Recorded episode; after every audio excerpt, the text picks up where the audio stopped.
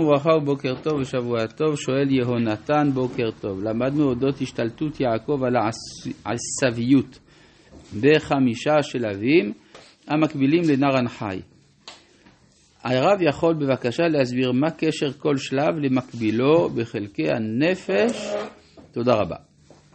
עצם השלבים הם המסבירים את ההתאמה לחלקי הנפש.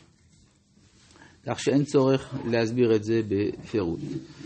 אה, ובכן, אה, אנחנו ממשיכים בספר בראשית, והגענו לפרק כ"ט בפרשת ויצא, בלידת ראובן, זה פסוק, אה, פסוק ל"ב. ותהר לאה ותלד בן, ותקרא שמו ראובן. אז הסברנו שראו בן, ראו את הבן, ראו מה בין בני לבן חמי, בני זה ראובן, בן חמי עשיו, ולא רק שזה, כלומר, עשיו מכר את הבכורה, ובכל זאת הוא ערער אחר כך על הברכה של יעקב, למרות שלכאורה הברכה הייתה מגיעה לו, לעומת זה ראובן, שראה את גדולתו של יוסף, לא רק שלא ערער על בחירתו או בכורתו, אלא שביקש להצילו מן הבור. זאת אומרת שכאן יש הבדל מהותי בין הבכורה העשווית לבכורה הראובנית. שאצל עשיו הבכור, כדרכם של בכורות בתת מודע, לבקש לבטל את האח הקטן, להרוג אותו כמו אצל קין והבל, בגלל היריבות שביניהם, בעוד שאצל ראובן יש התחלה של תיקון של הבכורה, בזה שזאת בכורה שעניינה להחיות את האח הקטן, להציל אותו ממוות. אז כך שיש לנו כאן ראשון בין ארבעה בכורות. ארבעה בכורות שייוולדו, האחד ראובן, השני דן, השלישי גד, הרביעי יוסף. ובכל אחד אנחנו רואים הדרגה והתפתחות יותר ויותר מעמיקה לקראת הבכורה השלמה. בואו נראה לרגע את פסוק, אה, הפסוק שבו אנחנו נמצאים. אה, כי אמרה, כי ראה השם בעוני, כי עתה יהבני אישי.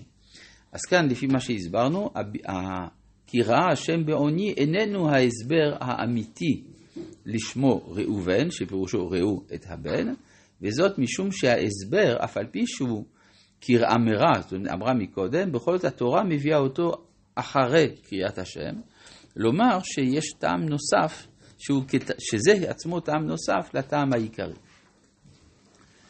ותהר עוד, ותלד בן, ותאמר, כי שמע השם כי שנואה אנוכי, ויתן לי גם את זה, ותקרא שמו שמעון, ותהר עוד ותלד בן ותאמר אתה הפעם ילווה אישי אליי כי ילדתי לו שלושה בנים על כן קרא שמו לוי.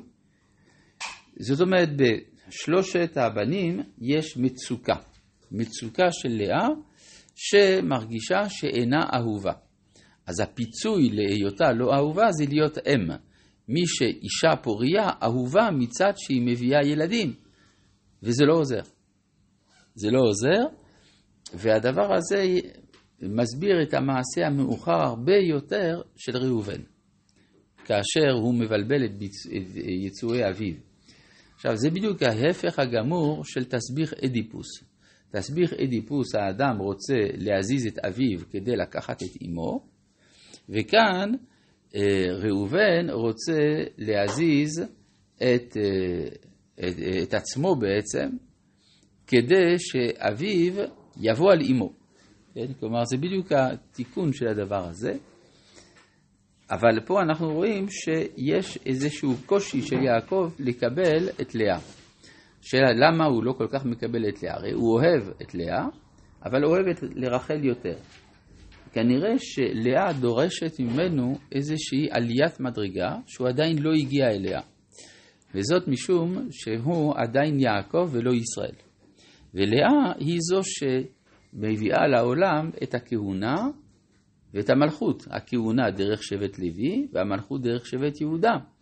והרעיון של הכהונה והמלכות עדיין קשה ליעקב שחי את החיים שלו כפרט, כראש משפחה אמנם, אבל כפרט. ותהר עוד ותלד בן, ותאמר הפעם אודה את השם, על כן קרא שמו יהודה, ותעמוד מלדת. אה, אגב, השם יהודה, אמנם היא נותנת לו את ההסבר, הפעם אודה את השם, אבל ברור שהשם הזה כבר קיים במאגר השמות באותם הימים, הרבה לפני כן, שהרי מצאנו שאשתו של עשיו שמה יהודית. ברור שהיא לא נקראה על שם הודעת השם, יהודית בת בארי החיתי, אלא שזה היה שם מצוי, אבל אומרת לאה, אני אאמץ את השם הזה, כי הפעם אודה את השם, על כן קרא שמו יהודה, ותעמוד מלדת. אז מה קרה הפעם שהיא מודה, לשם? כי לפחות יש כאן ארבעה. וארבעה זה, זה כבר השלמת החלק שלה בין השבטים. כלומר, אם יש ארבע, אה, יש להם רוח הקודש לכל האנשים האלה, ואם היא מבינה שיש פה 12 בנים לפחות, אז אה, שליש, שליש אצלה. נו, מה? היא צריכה לקבל רבע? היא צריכה לקבל רבע, היא קיבלה יותר מן הרבע. זה בדיוק העניין, אז יש לה יתרון. אם הייתה מקבלת שלוש, זה כמו כולם, מקבלת ארבע, זה הרבה יותר. אה, היא מקווה, היא מקווה. השאלה אם זה עזר. לא- היא לא מזכירה. היא לא מזכירה, כן. אבל היא לא אומרת שהיא אהובה. זה, זה משהו באמצע כזה. כן, כלומר בהתחלה זה מצוקה, היא לא אהובה בכלל, יאהבני. אחר כך שמע השם, ויאז ילווה אישי. כן, כלומר יש איזו הדרגה. יהודה היא מניחה שלפחות היא סיפקה כל מה שאפשר לספק. מהבחינה הזאת היא חושבת שבשלב הזה היא יכולה לעצור. ואז זה הזמן של רחל לקנא באחותה. כן? בפרק ל' פסוק א', ותראי רחל כי לא ילדה ליעקב. ותקנא רחל באחותה. עכשיו, מה זה ותקנא רחל באחותה? יש קנאה טבעית, אבל מה, מה יש לה לקנא? זאת אומרת, וכי היא רוצה לשים עין רעה על הילדים של לאה, למשל. ודאי שזאת לא הכוונה. אלא היא רוצה להיות כמוה. ותקנא, היא מקנאה. אם, אם היא אחות, והן כנראה גם תאומות, לפי מה שלמדנו, אז אם זאת פוריה, למה שהיא לא תהיה פוריה? ותקנא. ותאמר אל יעקב, הבה לי בנים, ואם אין מתה אנוכי. שאלה, מה זה האמירה הזאת? אולי היא סבורה שיעקב לא רוצה להביא לה בנים. כן? זה אולי הכוונה, כלומר, למה אין לה? אולי בגלל שיעקב לא רוצה. עכשיו, איפה מצאנו שאדם שיש לו שתי נשים רוצה שאחת תלד ושהשנייה לא תלד? מצאנו אצל למך, כן, עדה וצילה. עדה בשביל להביא ילדים, צילה כדי להיות יפה. כיוון שרחל יפה, אז היא סבורה שכאן יעקב חוזר על המעשה של למך. לכן היא אומרת לו, אבל לי בנים, ואם אין מתה אנוכי. כי אם לא, אז למה הטענה כלפיו? לכאורה צריכה, לכאורה הטענה היא כלפי הקדוש ברוך הוא. כמו שיכולה עונה יעקב, אבל היא יש לה טענה יותר עמוקה. אתה לא רוצה בנים. ויחר אף יעקב ברחל, ויאמר, התחת אלוהים אנוכי, אשר מנע ממך פרי בטן. אז מה זה אומר? יעקב סבור שרחל לא עושה מה שצריך. כלומר, כל השאלה היא מאיפה זה מתחיל. מה, מה, היא עושה שהיא, מה היא לא עושה שהייתה צריך לעשות, צריכה לעשות? להתפלל. כן, זה, אומר, זה בעצם המשמעות. ותאמר, עכשיו, האמירה התחת אלוהים אנוכי, מניחה, זה מין טענה של בעצם את עובדת עבודה זרה, את חושבת שאני אלוה. והביטוי כאן, וייחר, כמו שמצאנו שבמורה נבוכים הרמב"ם כותב, שלא מצאנו חרון אף אצל הקדוש ברוך הוא, אלא על עבודה זרה בלבד. אז גם פה, וייחר אף, אף יעקב, בגלל שיש כאן משהו שמשתמע כעבודה זרה.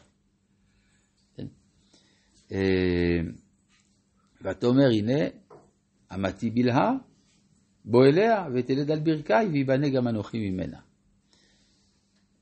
זאת אומרת, הנחת היסוד שמאחורי המעשה הזה, שכנראה זאת הייתה גם האמונה של אותם הימים ויש לזה גם בסיס ביולוגי, שאם אישה אחת מקבלת על ברכיה את הוולד שנולד, זה עצמו גורם לה אחר כך פריון. אפשר לומר שכאשר זוג שמחוסר ילדים מאמץ, הרבה פעמים משתחרר הלחץ אצל האישה, ואז אה, עקרות נפקדות במצב הזה.